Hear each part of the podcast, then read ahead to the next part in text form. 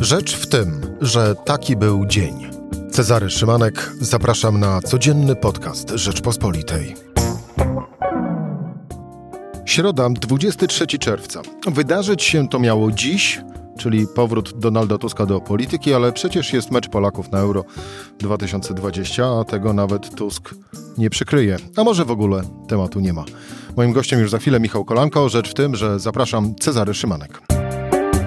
Słuchaj na stronie podcasty.rp.pl. Włącz Rzecz w tym w serwisie streamingowym.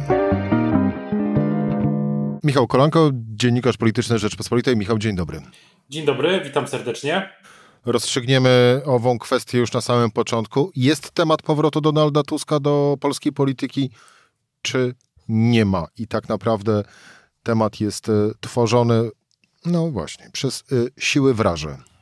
Nie, myślę, że, myślę, że temat e, powrotu Donalda Tuska do jakiegoś rodzaju zaangażowania w polską politykę e, bardziej aktywnego niż do tej pory, czyli takiego komentowania bardziej, jest. Natomiast nie sądzę, żeby był to, to temat, że Donald Tusk będzie szefem ponownie Platformy Obywatelskiej, przynajmniej na razie nic mi nie wiadomo o takim scenariuszu tych scenariuszy krąży rzeczywiście bardzo wiele. Mam też takie dziwne wrażenie, że Donald Tusk nie ze wszystkich jest do końca zadowolony. O tym też świadczyłby ubiegłotygodniowy wpis Pawła Grasia, że to Tusk pisze własne scenariusze, a nie e, realizuje scenariusze innych.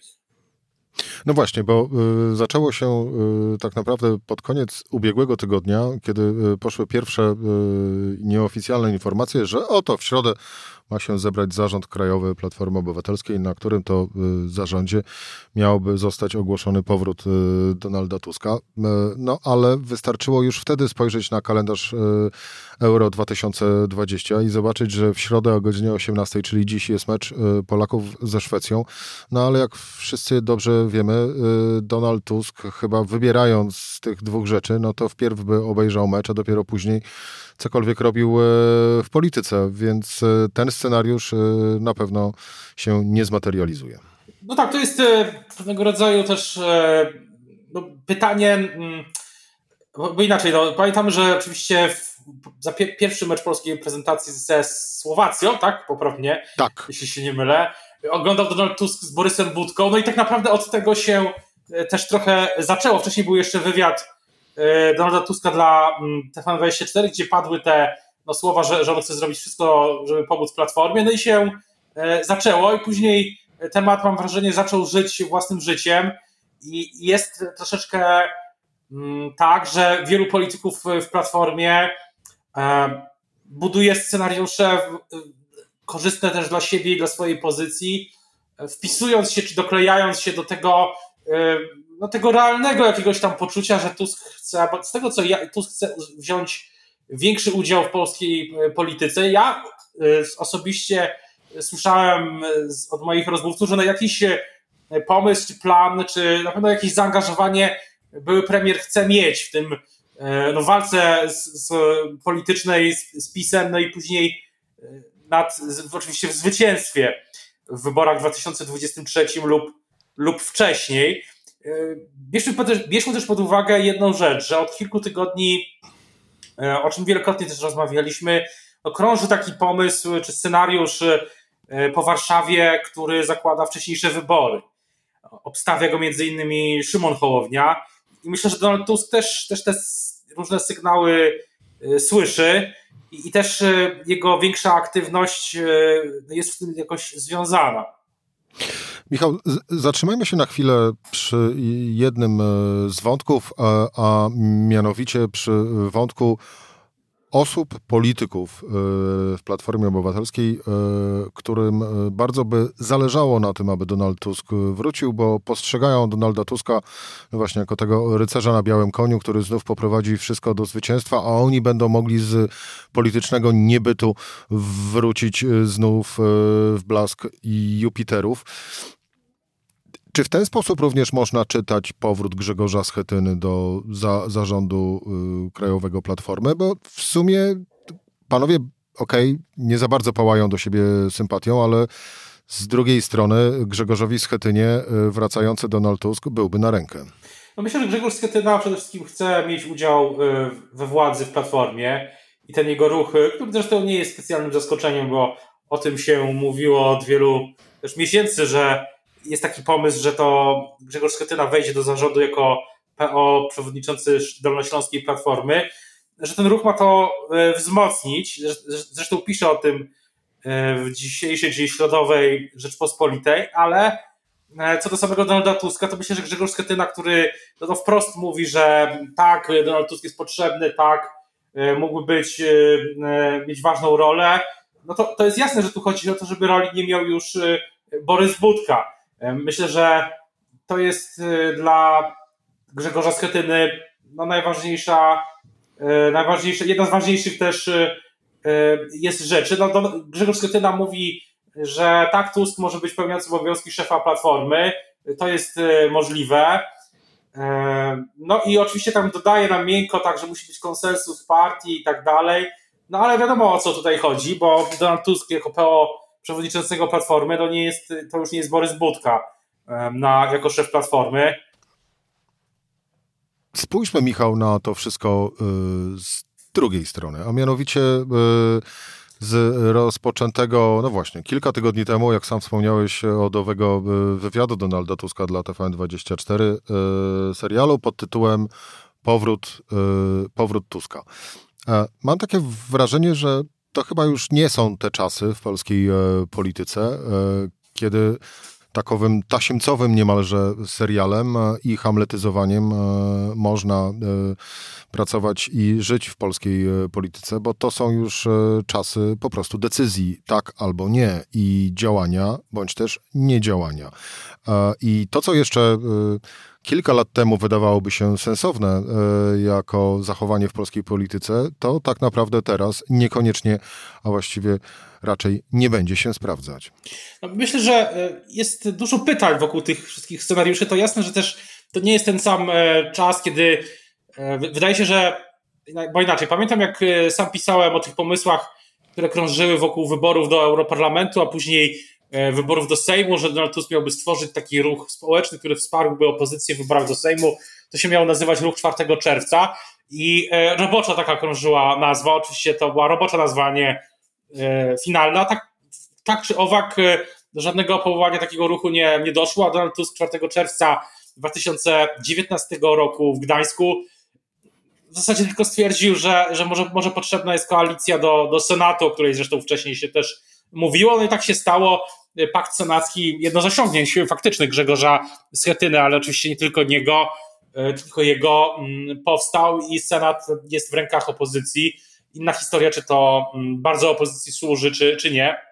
Ale na pewno w ostatnich tygodniach, miesiącach widać, że e, jest to czynnik wpływający na chociażby obsadę Rzecznika Praw Obywatelskich. No i dlatego ten powrót Donalda Tuska już kolejny, no wcześniej była jeszcze pomysł listy Donalda Tuska do Europarlamentu, właśnie później pomysł tego ruchu obywatelskiego, później pomysł ruchu, później pomysł e, Tusk na prezydenta. Oczywiście Tusk dobrze pamiętamy, nie zdecydował się na kandydowanie.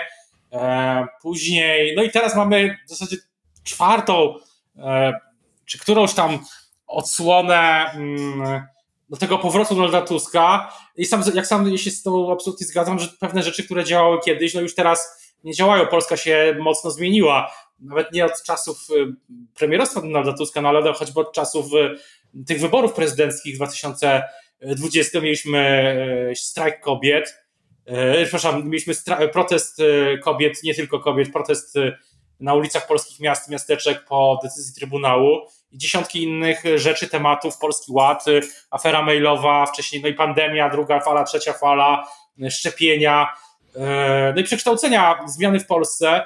Y, też aspiracje samorządowców, zwycięstwo Konrada Fiołka, wsparcie samorządowców, ruch Wspólna Polska, Campus Polska, to tylko niektóre wydarzenia od, samego, od samej kampanii, w której Tusk nie chciał e, wziąć udziału.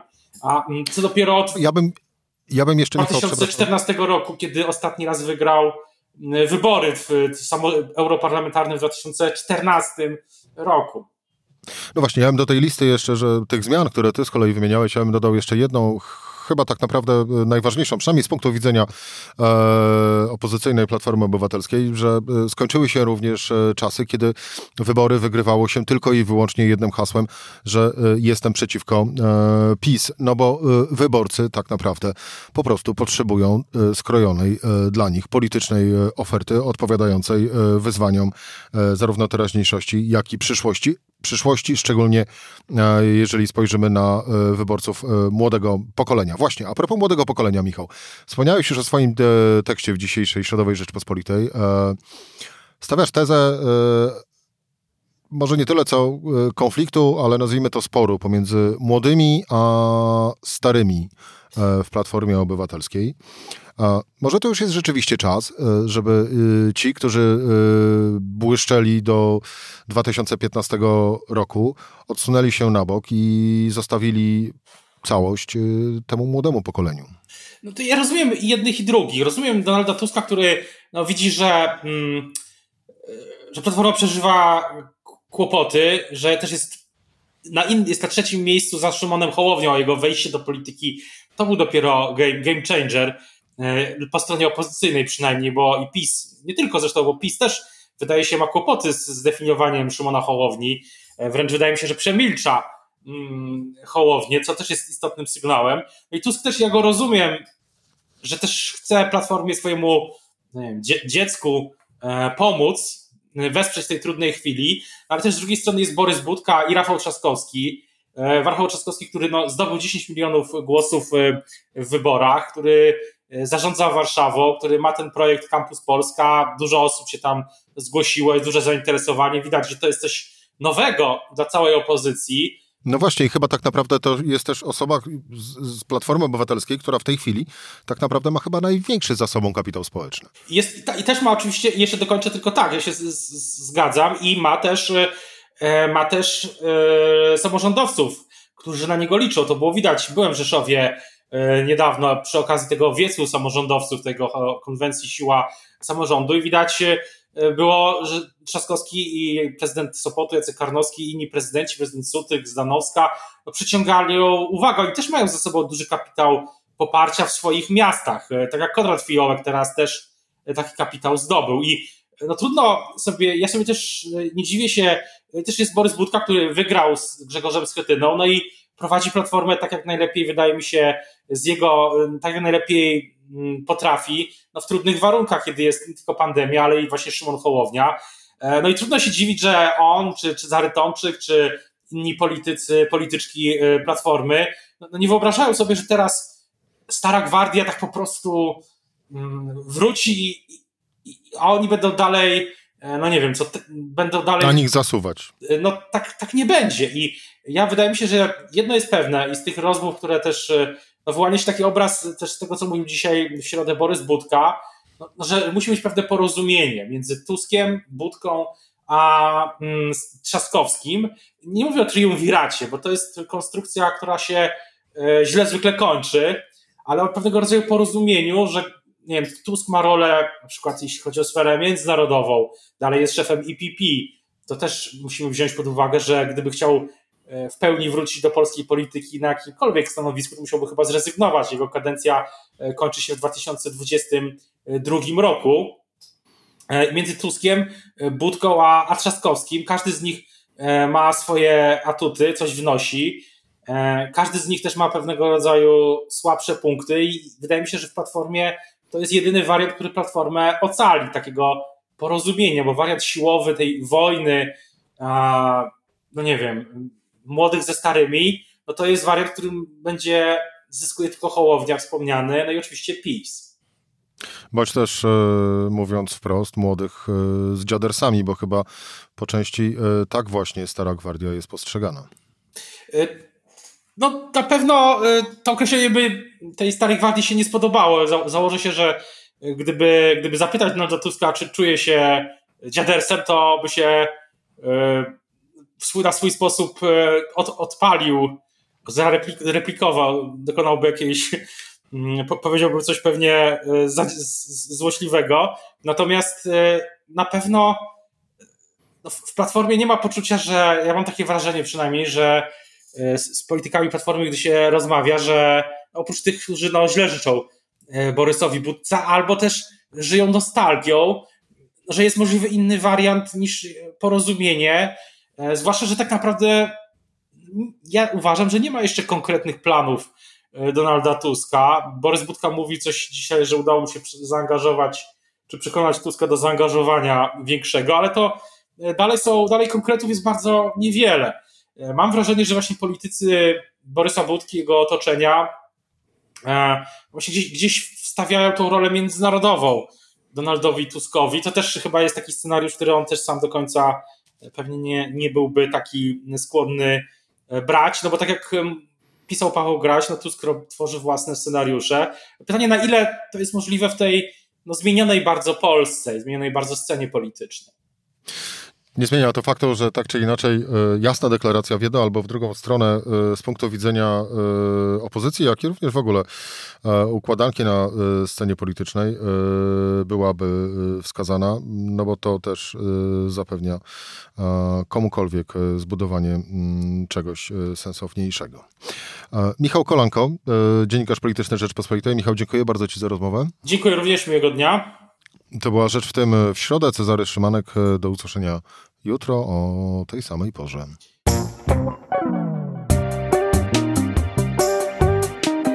Rzecz w tym to codzienny program Rzeczpospolitej. Od poniedziałku do czwartku o godzinie 17. Słuchaj na stronie podcasty.rp.pl. Włącz Rzecz w tym w serwisie streamingowym.